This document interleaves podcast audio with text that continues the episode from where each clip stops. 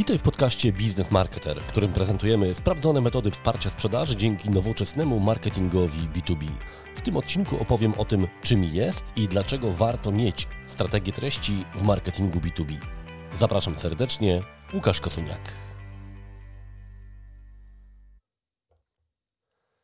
Dzisiejszy odcinek przeznaczyłem w całości na strategię treści, ponieważ moim zdaniem to jest najważniejszy element każdej strategii marketingowej, szczególnie tej, która jest oparta o tak zwane lejki marketingowe, czy o tą metodę inbound marketing, czyli przyciągania klientów poprzez treści. Dlatego dziś w tym odcinku powiem, co to jest strategia treści w B2B, dlaczego warto ją mieć, czy każda firma powinna ją mieć oraz oczywiście na końcu, jak ją stworzyć. Czyli opowiem y, trochę o naszej metodzie 4P. Oczywiście rozszyfrujemy też ten skrót, a to nie jest to, co myślicie, szczególnie ci, którzy znają profesora Kotlera. Zacznijmy zatem od tego, co to jest y, strategia treści i czy każda firma na pewno powinna ją mieć. A w zasadzie przejdźmy od razu do tego drugiego punktu. Czy każda firma powinna mieć strategię treści? Odpowiem w ten sposób. Jeżeli ktoś chce stosować strategię inbound marketingu, czyli przyciągania klientów, którzy szukają jakichś informacji, niekoniecznie produktowych, informacji w Google'ach, w sieciach społecznościowych, y, to potrzebują treści. Nie jakichkolwiek treści, tylko dobrze ułożonych treści. W związku z tym te firmy potrzebują strategii treści. Natomiast jeżeli ktoś opiera swoje działania o polecenia, działa w jakimś zamkniętym systemie poddostawców, czy w pełni stosuje mm, tylko i wyłącznie stosuje metody outboundowe, czyli jakiś cold calling, reklamy i tak dalej, to moim zdaniem tutaj ta strategia nie jest aż taka ważna. Natomiast jeżeli ktoś chce przyciągać klientów treściami, y, stosować lejki marketingowe, mieć skuteczne działania social sellingowe, czy chociażby wykorzystywać narzędzie marketing automation, to zdecydowanie taką strategię warto mieć. I teraz, y, co to jest ta strategia treści i dlaczego ona jest taka ważna? Jak każda strategia, to jest jakiś plan przejścia z punktu A do punktu B. I teraz tym punktem A to jest ten plan, to jest ten y, y, świat, w którym jesteśmy. Zazwyczaj z moich obserwacji wynika, że te treści często są, ale nieregularne, nieuporządkowane, takie firmo albo egocentryczne, czyli my, ja, jesteśmy najlepsi, najtańsi, zrobiliśmy, byliśmy i tak dalej. Nie odnosimy się do y, potrzeb klientów, do chociażby lejka sprzedaży, do potrzeb informacyjnych klientów. Te treści są chaotyczne, niepołączone, nie konwertują, to znaczy nie zachęcają do zrobienia kolejnego kroku. To wszystko sprawia, że bardzo często jest dużo frustracji y, wśród firm czy osób, które się tym zajmują, no bo przecież mamy te treści, tworzymy je, mm, poświęcamy na to sporo czasu, wydajemy sporo pieniędzy i to nie działa. Właśnie zazwyczaj nie działa, bo nie ma pewnego planu, nie ma strategii treści. Więc tym punktem B, do którego dążymy, są treści, które są dopasowane do potrzeb informacyjnych klienta, ale nie jakichkolwiek potrzeb informacyjnych, tylko dobrze zdefiniowanych. Y, zazwyczaj są, y, te treści są w jakiś sposób przypisane do etapów procesu decyzyjnego. Dzięki temu ta strategia jest filarem lejków marketingowych i, i, i sprzedażowych ta strategia zakłada tworzenie treści całymi grupami, tak żeby można było obejmować czy zawłaszczać pewne, pewną tematykę, czyli pozycjonować naszą markę y, jako eksperta w bardzo konkretnie określonym y, temacie. Treści y, produkowane, planowane są z myślą o tym, żeby były użyteczne, żeby odpowiadały na bardzo konkretne pytania czy zadania, jakie stoją przed klientem na konkretnych etapach tego procesu decyzyjnego. Tutaj jest bardzo fajna metoda Job to be done, o której też później opowiem. No i co ważne, te treści są też dzięki odpowiedniemu zaplanowaniu nastawione na konwersję. Nie zawsze na konwersję y, sprzedażową. Natomiast konwersja w tym przypadku oznacza, że mamy dla klienta kolejną propozycję, czyli jeżeli on ogląda nasz materiał wideo, słucha naszego podcastu, czyta nasz artykuł, to my mamy dla niego kolejny krok. Czy ten klient z tego kroku skorzysta, czy nie, to już jest inna sprawa, ale jeżeli mu tego nie zaproponujemy, to na pewno nie skorzysta. I tutaj przypomniała mi się taka dyskusja z LinkedIna, gdzie jeden z właścicieli firm dużych, y, którego bardzo cenię, właśnie powiedział o tym, że myślenie lej, kategorią lejka sprzedażowego jest anachroniczne. Znaczy nikt tak naprawdę, żaden klient w ten sposób nie działa. I oczywiście to jest prawda, bo lejki sprzedażowe nie są dla klientów, tylko dla nas. To jest jakiś sposób uporządkowania naszej pracy. My musimy pewien porządek klientowi proponować, ale klient absolutnie nie działa w sposób linearny. To nie są takie procesy, jak sobie rysujemy. Zresztą też kilka razy podczas webinarów o tym mówiłem, ale To nie zmienia faktu, że my powinniśmy te potrzeby klienta adresować w jakimś porządku, ale też dać klientowi możliwość znalezienia treści dowolnych, nie tylko takich w idealnie ustawionej e, sekwencji. Więc my te treści powinniśmy przypisywać do pewnych etapów procesu decyzyjnego, ale nie zakładać, że klient przez te etapy będzie przechodził w tej kolejności, którą nam się wydaje, że powinien przejść. Natomiast możemy klientowi tą kolejność sugerować, na przykład proponując mu kolejny materiał do przeczytania, obejrzenia czy, czy wysłuchania. Strategia treści więc jako plan wysokopoziomowy, on ma też y, kilka dodatkowych y, zalet, ale też i zadań. Przede wszystkim dobrze zaplanowana, dobrze zrealizowana buduje, zwiększa pozycję marketingu ponieważ dzięki takiej strategii treści my jesteśmy w stanie komunikować się z zarządem czy z innymi działami nie w takim trybie bieżączki czy gaszenia pożarów, ale w taki sposób bardzo uporządkowany i profesjonalny, co też daje marketingowi pewną inicjatywę strategiczną, jakby to ktoś wojskowy powiedział. Czyli to my tak naprawdę kontrolujemy to, w jaki sposób te treści tworzymy. Oczywiście we współpracy z ekspertami, z działem sprzedaży, ale nie jesteśmy w trybie reaktywnym, tylko właśnie jesteśmy aktywni. To my pewną kontrolę nad tym wszystkim utrzymujemy. Dzięki temu też ta strategia ułatwia y, tak naprawdę komunikację, chociażby z zarządem, bo jesteśmy w stanie w sposób bardzo prosty, czytelny. My akurat używamy do komunikacji strategii takiego narzędzia, które nazwaliśmy sobie matrycą strategii treści. To jest w zasadzie prosta tabela.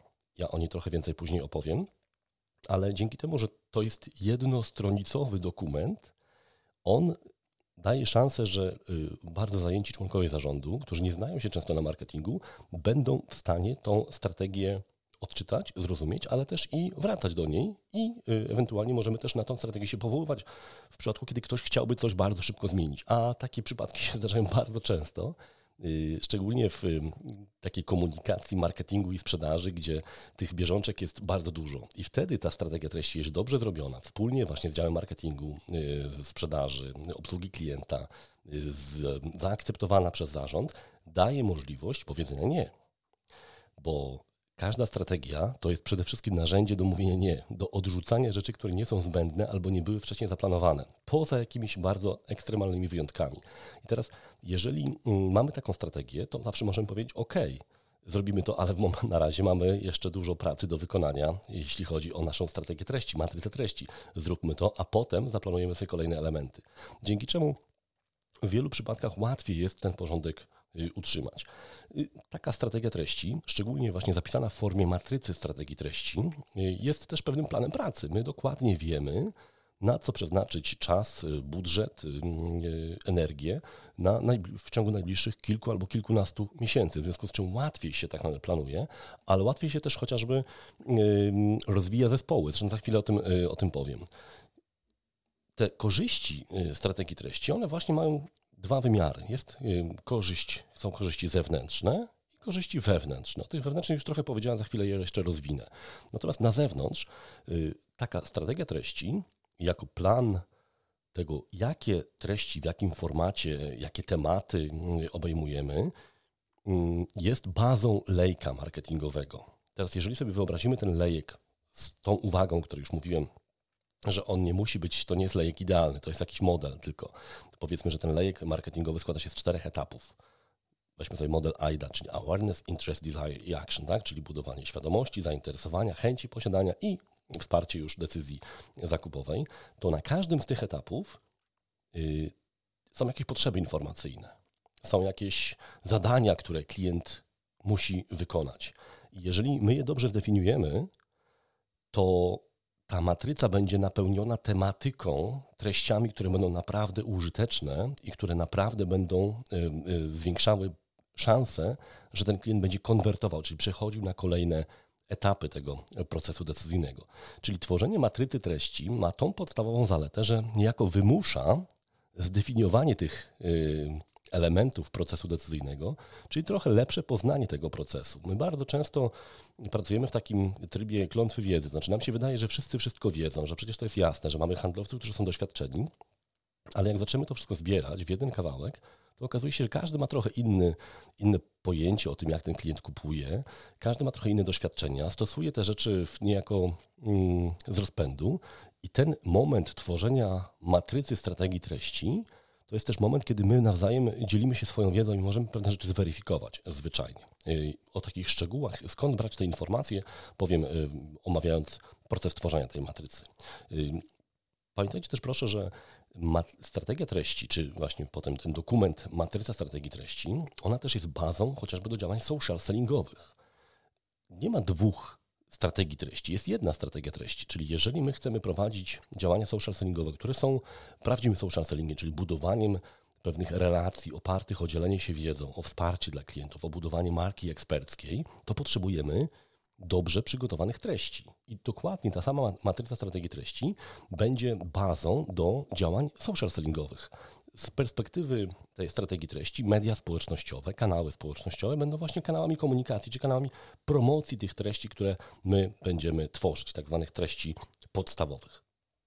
Bardzo ważnym elementem każdego działania, każdego procesu przygotowania do wdrożenia automatyzacji marketingu jest też zbudowanie matrycy strategii treści, czy generalnie zebranie tych zasobów treściowych.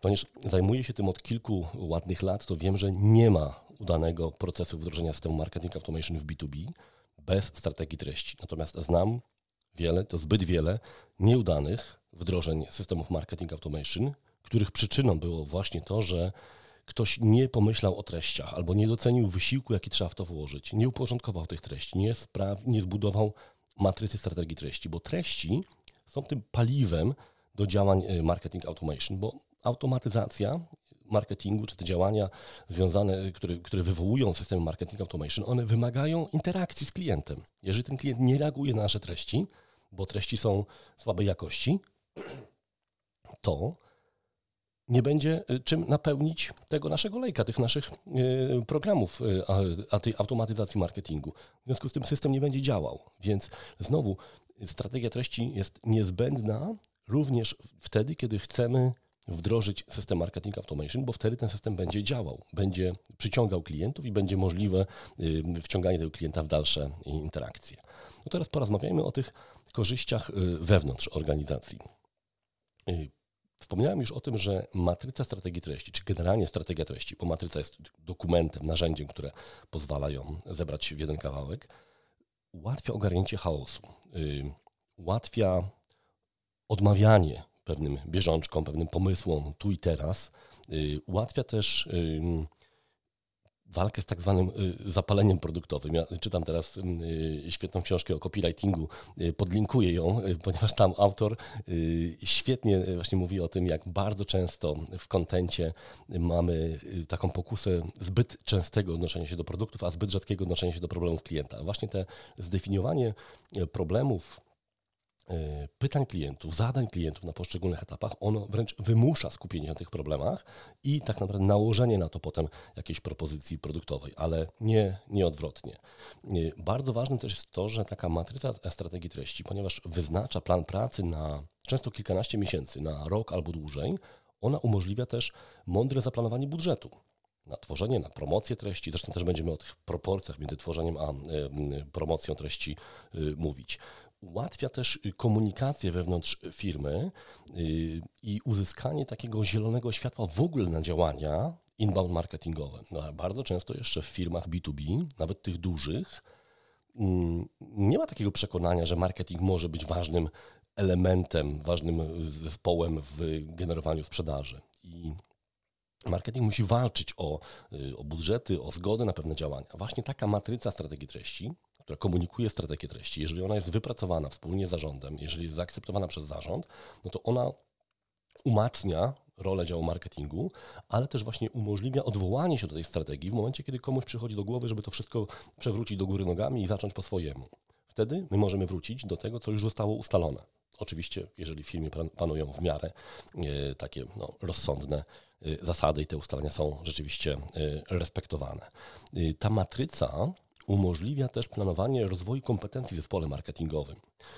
No bo jeżeli wiemy na przykład, że chcemy uruchomić, nie wiem, podcast, chcemy tworzyć więcej wideo, chcemy, żeby te treści lepiej konwertowały, no to wiemy na przykład, że my tych kompetencji w tej chwili nie mamy i przez jakiś czas możemy się posłużyć jakąś kompetencją zewnętrzną, agencyjną, ale jeżeli chcemy to tworzyć na dłuższą metę, no to chociażby możemy wiedzieć, że potrzebujemy content managera, czy osoby od performance marketingu i tak dalej.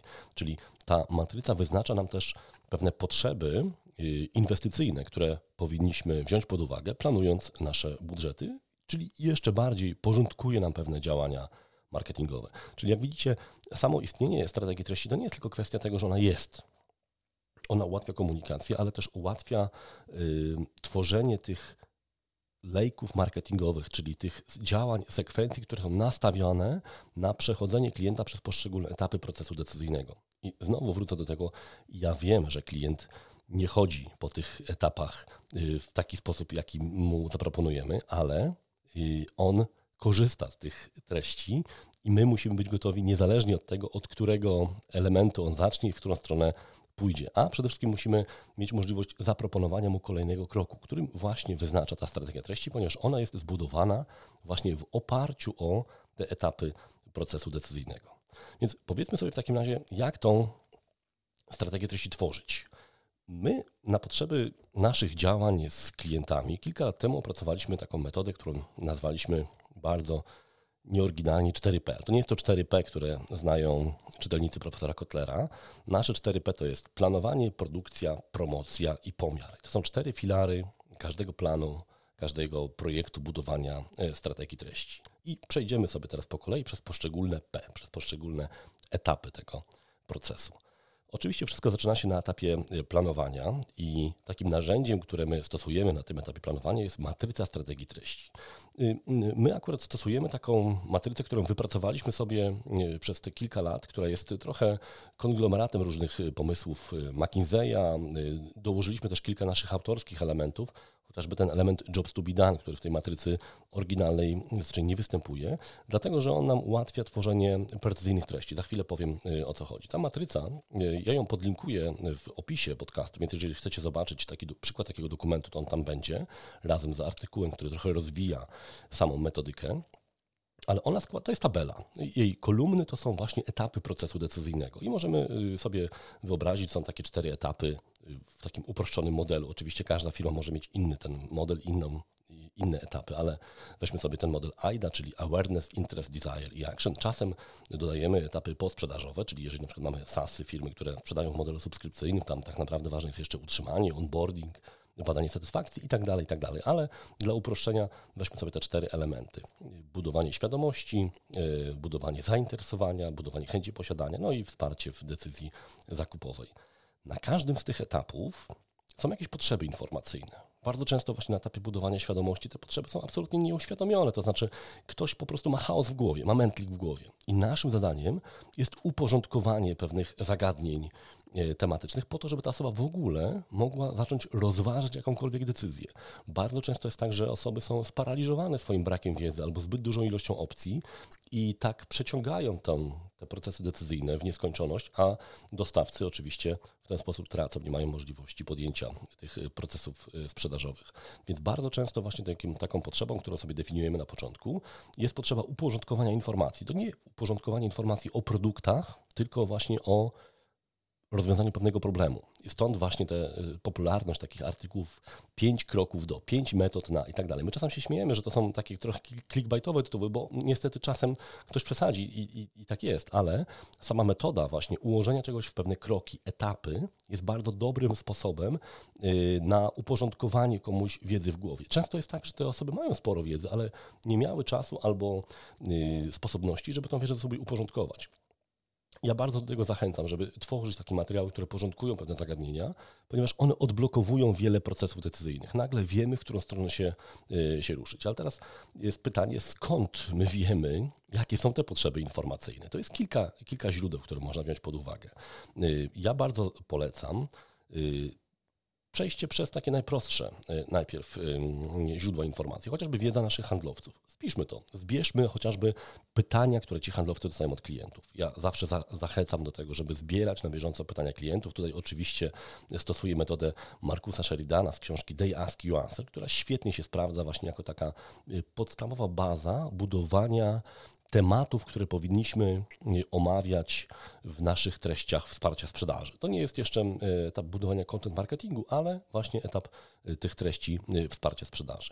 Taką bardziej zaawansowaną metodą jest metoda budowania tak zwanej buyer persony, czyli analizy procesu decyzyjnego naszych klientów poprzez rozmowę wywiady, to jest badanie jakościowe, z istniejącymi klientami, po to, żeby odkodować ten proces decyzyjny i elementem tego odkodowania są też właśnie te zagadnienia związane właśnie z potrzebami informacyjnymi. Wtedy mamy bardzo precyzyjną informację, co na poszczególnych etapach jest ważne dla naszych klientów, co oni próbują E, jakie informacje próbują zdobyć, co muszą zrobić. Często jest na przykład taki etap, kiedy ktoś musi złożyć rekomendacje, zrobić prezentację dla zarządu i dostać zielone światło na jakąś inwestycję. W B2B to są często inwestycje e, bardzo, bardzo duże, bardzo poważne. Teraz, jeżeli my wiemy, że taka sytuacja występuje i na przykład pomożemy taką prezentację zrobić albo taką kalkulację przygotować, dając jakiś szablon, skracając czas przygotowania, no to automatycznie gdzieś tam trafiamy bardzo wysoko na tą listę potencjalnych mm, dostawców czy kontaktów y, z takim klientem. A dodatkowo możemy pozyskiwać dane, jeżeli taki materiał chociażby umieścimy w formie jakiegoś materiału do pobrania za podaniem danych albo zaprezentujemy go podczas webinaru na przykład. Więc mm, to jest druga, druga, druga metoda y, pozyskiwania tych informacji. Trzecia, taka bardzo powiedzmy digitalowa, to jest analiza tego, co pytają klienci na różnych forach, w różnych miejscach, grupach dyskusyjnych, analiza e, zapytań do wyszukiwarek itd., tak itd. Tak Czyli agregowanie tego, co klienci zostawiają jako tak zwany ślad cyfrowy, w sieciach społecznościowych również, po to, żebyśmy wiedzieli, jakie tematy e, są, są istotne. No, chociażby Google Trends powie nam, jakie zagadnienia zwiększają swoją popularność. Można też zastosować narzędzia typu brand tracking, typu nie wiem, Brand24, który pokaże nam też, czy dane frazy, Y, właśnie problemowe czy produktowe, ich popularność rośnie, czy, y, czy nie. Dzięki temu wiemy też, jakie zagadnienia w tej chwili y, klienci, jakie problemy mają przed sobą, co ich interesuje. I jeżeli to są zagadnienia, które są spójne z naszym planem treści, jeżeli możemy pomóc w tych zagadnieniach, to oczywiście najlepiej stworzyć wtedy treści, które dokładnie odnoszą się do tych, do tych problemów. Jak widzicie, tych metod jest kilka. Ja nie, nie, będę teraz wszystkich wymieniał, bo też nie ma na to czasu, y, bo za bardzo byśmy odeszli od głównego y, etapu, ale to jest bardzo ważny element budowania y, matrycy strategii treści, czyli zdefiniowanie tych właśnie tematów, które mamy objąć naszymi treściami Właśnie często wtedy stosujemy tą metodę jobs to be done, czyli to jest właśnie szukanie tych mikrozadań, takich zadań, które stoją przed klientem, e, które muszą, muszą być zrealizowane, żeby można było przejść do kolejnego etapu. Właśnie, jeżeli na przykład ktoś ma mętlik w głowie, chaos informacyjny, on nie przejdzie do kolejnego etapu wyboru rozwiązań czy analizy rozwiązań, nie będzie wiedział od czego zacząć tak naprawdę. Jeżeli na przykład ktoś nie uzyska pozwolenia zielonego światła zarządu na, na inwestycje, to nie będzie y, szedł dalej y, w jakieś proof of concept czy w inne działania, które już są zbliżone do, zbliżają nas bardzo do tego y, ostatecznego etapu procesu sprzedaży. Więc my definiując te zadania, szukając treści, sposobów na wsparcie klienta w realizacji tego zadania, w odpowiedzi na te pytania, które tam się pojawiają, tworzymy treści, które są przede wszystkim bardzo użyteczne i klienci często bardzo nawet chcą płacić za tego typu treści. My na przykład też stosujemy bardzo często płatne y, szkolenia, które y, y, pomagają klientom zrealizować jakieś chociażby budowanie strategii treści. Mamy takie rozszerzone szkolenie właśnie na temat budowania strategii treści i ono jest na tyle użyteczne dla klientów, że nie ma problemu z tym, żeby zebrać grupę y, szkoleniową. Więc y, im bardziej nasze treści będą użyteczne, będą nastawione na zrealizowanie tych zadań, tym bardziej będą skuteczne, do tego stopnia nawet, że być może będziemy mogli nawet je w którymś momencie y, monetyzować. Ta matryca strategii treści, ona zawiera też informacje o tym, w jakich formatach te treści będą tworzone, w jakie są punkty styku, czyli gdzie te treści mogą być umieszczane, ale też jest informacja o tym, w jaki sposób będziemy mierzyć skuteczność danych treści, bo inaczej mierzy się skuteczność treści, które budują świadomość. Tam zależy nam na tym, żeby te treści docierały do dużej grupy osób, a inaczej treści, które już mają chociażby y, wygenerować jakieś y, lidy czy szanse sprzedażowe. Wtedy nie będzie nam zależało na ilości, tylko na tym, jak dużo informacji możemy zebrać i jakie to są informacje. Czy to są rzeczywiście chociażby osoby, które mają jakąś moc decyzyjną.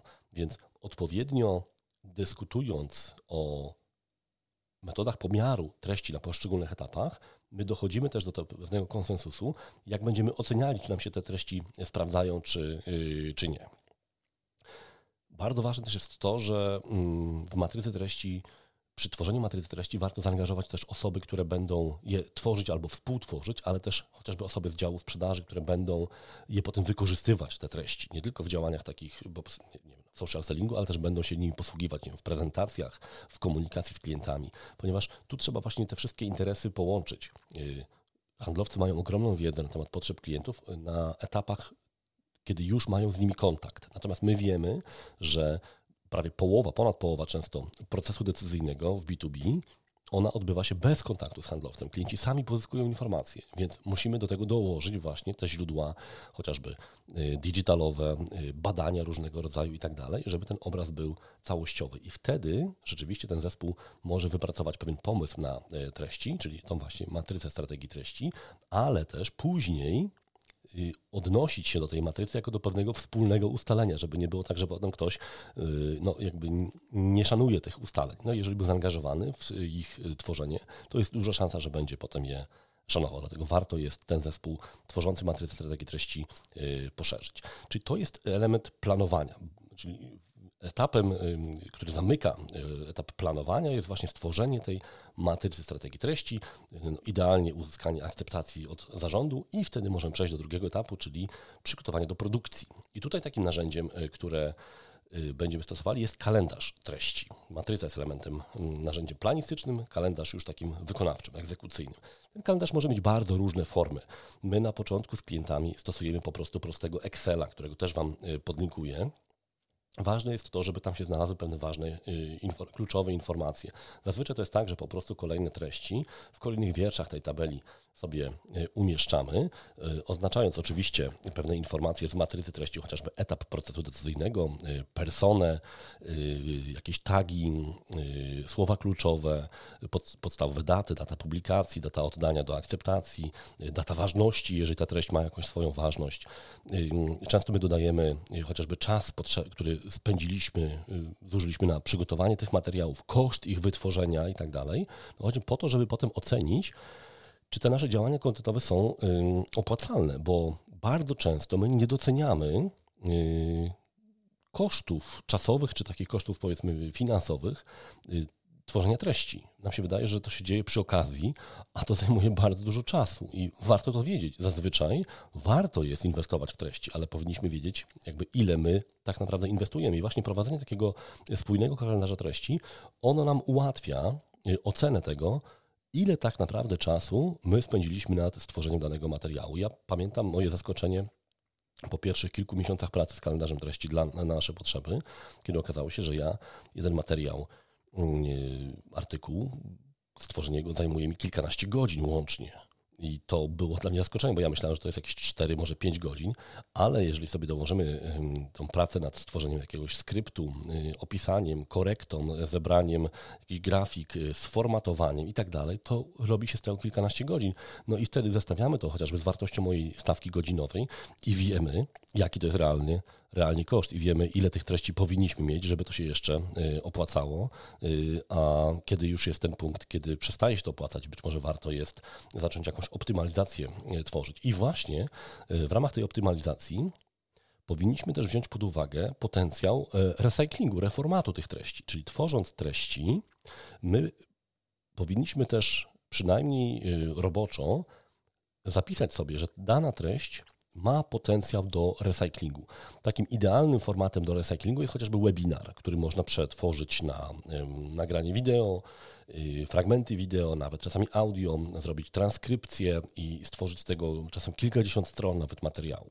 Ale znowu, jeżeli już wiemy, że ta treść będzie przerabiana na jakieś docelowe formaty, to wtedy my pilnujemy, żeby ta oryginalna treść nadawała się do tego recyklingu. Tu w przypadku webinarów chociaż bardzo ważne jest bardzo konkretna struktura, dużo punktów, które my potem możemy potraktować jako elementy dzielące ten webinar. Więc jeżeli y, planujemy y, recycling treści, to powinniśmy oznaczać materiały, które taki potencjał mają, dlatego że później dużo łatwiej jest się y, do tego zabrać, dużo łatwiej jest tym zarządzić, no a w już ostatecznym rozrachunku recycling treści to nie jest tylko oszczędność czasu, ale też wyprodukowanie dodatkowych formatów, które zwiększają po prostu zasięg, bo klienci mają swoje preferencje. Jedni wolą poczytać, a inni wolą y, posłuchać czy obejrzeć jakiś materiał, więc odpowiednio y, planując recycling, my docieramy i do tych, i do tych klientów, po prostu zwiększając zasięg raz już wytworzonych, wytworzonych treści. Więc ten y, kalendarz treści to nie jest tylko element y, samego planowania, ale też optymalizacji tych, tych treści. Y, w tym pliku, który ja podlinkuję, tam zobaczycie też, że są takie informacje chociażby na temat tego, czy treść jest zaaktywowana przez prawnika, czy jest optymalizacja SEO i tak dalej, i tak dalej. Tutaj nie ma jakiegoś idealnego zestawu informacji, ale warto jest dopasować sobie ten kalendarz pod własne potrzeby. Jeżeli to jest duża firma, to być może właśnie trzeba w akceptację włączyć prawnika. Oczywiście są narzędzia wyspecjalizowane, kalendarze treści wyspecjalizowane, połączone chociażby z systemem marketing automation, które jeżeli ktoś już ma jakąś wprawę, to ja bardzo polecam, ale na początek wystarczy, jeżeli taką, taki kalendarz prowadzimy sobie w tabeli jakiejś Excelowej czy jakimś Google Docs, yy, które jest udostępnione i odpowiednio yy, zabezpieczone. W, w ramach samej produkcji treści my będziemy też mówili o podziale na treści promocyjne, pomocnicze, ale pozwólcie, że omówimy sobie to w trzecim punkcie, czyli trzeci punkt tego planu budowania strategii treści z tych naszych czterech P, to jest P jak promocja, czyli mieliśmy planowanie, produkcja i teraz trzeci element promocja. Treści y, promocyjne albo treści pomocnicze. Tutaj znowu y, korzystamy z kalendarza treści w taki sposób, że razem z treściami tymi oryginalnymi, typu artykuły, materiały wideo, e-booki, webinary, Tworzymy też, planujemy też wytworzenie treści pomocniczych, na przykład postów w mediach społecznościowych, reklam, mailingów itd. Tak mm, dlaczego to jest takie ważne? Ja zauważyłem, że bardzo często na te treści pomocnicze my poświęcamy za mało czasu, przez co kuleje ich jakość, ilość. Mm, często nie wiemy, jest jakiś chaos, czyli w ostatniej chwili tak naprawdę wymyślamy te treści. Y, dobrze jest takie treści traktować na równi z treściami podstawowymi i planować je razem z tymi treściami. Czyli na przykład, jeżeli ja opisuję w kalendarzu treści, że będę tworzył artykuł na temat taki i taki, to wiem też, że powinienem utworzyć na przykład według naszych y, y, takich reguł przynajmniej sześć materiałów pomocniczych. Na przykład nie wiem, sześć postów w mediach społecznościowych, jeżeli nie, nie, nie korzystamy z reklam płatnych. I dzięki temu ja już wiem, że muszę poświęcić też czas na to, żeby te treści y, opracować. My nawet kolorujemy sobie to w, naszym, w naszej tabeli. Te treści pomocnicze mają inny kolor, wiersze są inaczej kolorowane, to nawet zautomatyzowane w pewien sposób, y, właśnie po to, żeby nawet jednym rzukiem oka widzieć, że stosunek treści podstawowych do pomocniczych, czyli w naszym przypadku 1 do 6, jest zachowany albo nie. Jeżeli tych treści pomocniczych jest za mało, to ja już widzę, że trzeba po prostu sprawić, żeby to uzupełnić, bo jeżeli tych treści pomocniczych będzie za mało, to nasz wysiłek włożony w tworzenie treści po prostu nie będzie się opłacał, bo zwyczajnie za mało osób się o tym dowie. Tutaj oczywiście ta reguła 1 do 6, ona jest regułą umowną, która zazwyczaj na początku w działaniach B2B jest takim pewnym minimum. Yy, podobnie też jest z kwestią budżetu. Ja zawsze zachęcam do tego, żeby pilnować yy, pewnego równego podziału. Jeżeli yy, chcemy tworzyć dobrą jakby realizować skutecznie naszą strategię treści, to musimy poświęcić też na promocję czas i pieniądze. Więc na początku, jeżeli ktoś nie ma doświadczenia, to moja reguła jest prosta. 50-50. Znaczy połowę budżetu i czasu przeznaczamy na tworzenie treści, połowę na ich promocję. I to może być budżet związany z kreacją, z wykupieniem reklam i tak dalej. Potem, jak już będziemy mierzyli sobie efektywność, no to z biegiem czasu będziemy widzieli, mm, na co możemy wydać więcej budżetu, na co mniej. Zazwyczaj firmy tą proporcję zwiększają na korzyść promocji. Y, po pierwsze dlatego, że nabierają pewnej sprawności w tworzeniu treści, po drugie coraz częściej wykorzystują potencjał recyklingu, prostu mają coraz więcej treści do ponownego wykorzystania, w związku z tym koszt jednostkowy treści spada. Dzięki temu mogą y, te treści lepiej promować, a poza tym widzą, że tak naprawdę to ma sens, że mądra promocja treści sprawia, że te materiały naprawdę docierają do e, naszych klientów. I to też zapisujemy sobie w e, naszym kalendarzu treści, właśnie, który opisuje już te działania, działania egzekucyjne. Więc jak widzicie, ten kalendarz treści niejako uzupełnia strategię, strategię treści. No i czwartym elementem tego naszego planu tworzenia strategii treści jest kwestia pomiaru skuteczności. Ten pomiar skuteczności y, już zaczynamy mm, tworzyć, jakby odnosić się do niego na etapie planowania, czyli na etapie y, tworzenia strategii treści. Tam y, jednym z wymiarów tych treści jest właśnie, są właśnie KPI, czyli w jaki sposób, po, po, co jest ta treść, jaki jest cel i w jaki sposób ten cel mierzymy. Czyli na przykład jeżeli budujemy treści, które są potrzebne do rozwinięcia świadomości na temat problemu czy produktu, no to stawiamy sobie cel, nie wiem, dotarcie do jak największej ilości osób z danej grupy docelowej. To w jaki sposób to dotarcie będziemy mierzyć? Być może, nie wiem, zasięgami, być może wejściami na stronę i tak dalej, ale ważne jest to, żebyśmy ten cel sobie zdefiniowali, a potem ustalili to, czy my możemy go zmierzyć, czy mamy narzędzia do pomiaru. No bo bardzo często zdarza się, że my sobie coś tam wymyślamy, ale tak naprawdę potem nie mamy możliwości zmierzenia tego, więc zachęcam do tego, żeby te cele definiować w sposób y, realny, racjonalny, taki, który dadzą, dadzą się potem, y, potem y, zmierzyć. Ale pomiar to nie jest tylko kwestia realizacji celów. To jest też kwestia efektywności, czyli jeżeli w kalendarzu treści zapisujemy sobie chociażby koszt wytworzenia danej treści, no to dobrze byłoby potem sprawdzić, czy te treści przyczyniły się do jakiegoś rezultatu sprzedażowego. I teraz y, da się to zrobić, natomiast no, w B2B jedyną znaną mi metodą jest stosowanie narzędzi marketing automation. Dlaczego? Ponieważ one potrafią Y, że tak powiem, prześledzić całą ścieżkę klienta, jeżeli już mamy klienta zdefiniowanego, znamy jego adres e-mail, to wtedy wiemy, z jakich treści w naszych domenach, czy to były adres, y, strony internetowe, jakieś materiały wideo, webinary i tak dalej, z jakich treści korzystał ten klient i które z nich doprowadziły do jakiegoś, jakiegoś rezultatu sprzedażowego. Dzięki temu my potem możemy sobie porównać przychód czy wartość z danego klienta z kosztem jego pozyskania w tym koszcie mieści się chociażby właśnie w dużym stopniu koszt tworzenia i promocji treści i dzięki temu możemy sobie porównać, czy zmierzyć opłacalność tych naszych treści. Czy te treści rzeczywiście generują nam odpowiednie rezultaty. I wiadomo, że na początku te rezultaty nie będą zachwycające, więc nie zachęcam do tego, żeby się załamywać po trzech miesiącach, ale po roku już warto to zweryfikować i sprawdzić, które treści są skuteczne, które konwertują, a które no, nie szczególnie. I jeżeli będziemy tworzyli kolejne materiały, no to już wiemy, na co możemy wydawać e, pieniądze. Ja kilka razy e, uczestniczyłem w, jako doradca w takich projektach, gdzie klient trochę ambicjonalnie podchodził, tworzył strasznie drogie materiały wideo. One były piękne, rzeczywiście no, imponujące, natomiast mówiąc szczerze, słabo działały. One były źle zaprojektowane, więc potem ta analiza ex post po kilku miesiącach no, wykazała wyraźnie, że to nie była dobra inwestycja, że z tym budżetem można byłoby spokojnie wytworzyć zupełnie dużo tańsze formaty, a y, energię włożyć też w trochę zdefiniowanie lepsze tematyki, tak żeby te tematy były faktycznie istotne. No ale y, na szczęście w kilku z tych projektach te informacje były dostępne. Myśmy byli w stanie to zmierzyć i pokazać, że po prostu pewne formaty się nie opłacają. Jakieś drogie, super drogie, super produkcje wideo nie zawsze tak naprawdę przynoszą efekt. Oczywiście zawsze jest ten argument, że to buduje markę, ale to też nie jest zawsze tak, że drogie, drogie wideo buduje tą markę. E, natomiast generalnie warto jest takie rzeczy mierzyć, czyli jeżeli tworzymy taki drogi materiał wideo i na przykład budujemy sobie, stawiamy sobie cel budowania świadomości marki, no to też powinniśmy się zapytać, w jaki sposób my zmierzymy to, czy ta świadomość marki rośnie. Jeżeli my tego nie mierzymy, no to ciężko będzie potem obronić taką inwestycję.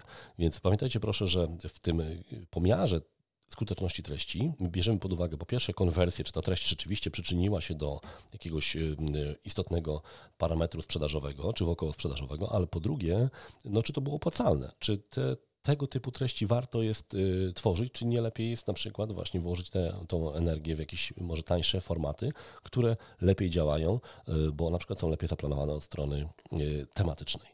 No i w ten sposób doszliśmy do końca tej metody, czyli metody 4P. Ja jeszcze raz powtórzę, ta metoda składa się z czterech etapów. Planowania, i tutaj rezultatem jest matryca strategii treści, produkcja i promocja, i tutaj posługujemy się kalendarzem treści, i wreszcie pomiar, który oczywiście realizowany jest poprzez różne narzędzia analityczne typu Google Analytics, Marketing Automation, CRM, ale te cele i sposoby pomiaru tych celów są już y, y, oznaczane w, na etapie budowania y, matrycy treści.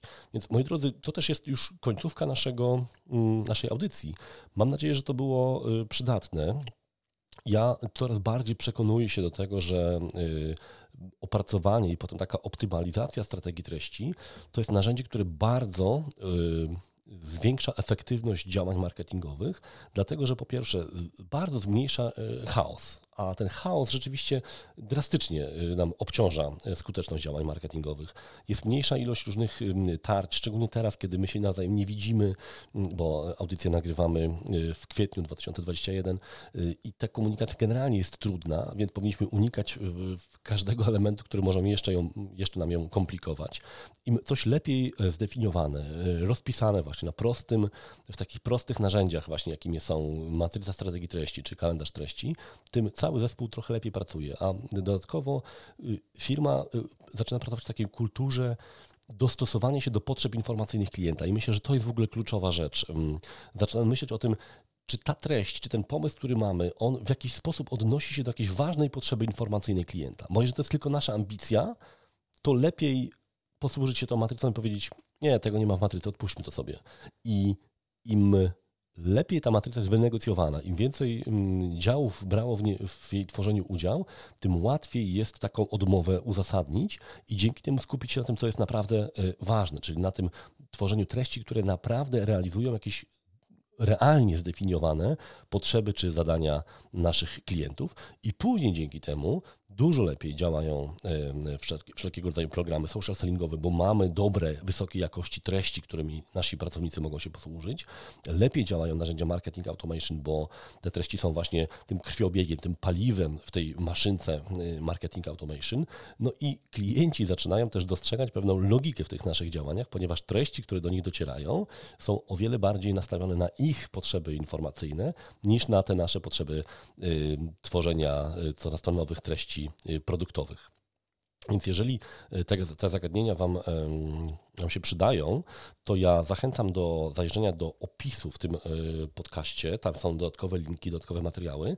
Raz na jakiś czas też ogłaszamy taki nabór na szkolenia otwarte związane właśnie z tworzeniem strategii y, treści. To są szkolenia kilku albo kilkunastogodzinne, więc y, zajrzyjcie do, y, zależnie od tego, kiedy słuchacie tego odcinka, zajrzyjcie do, do, do opisu.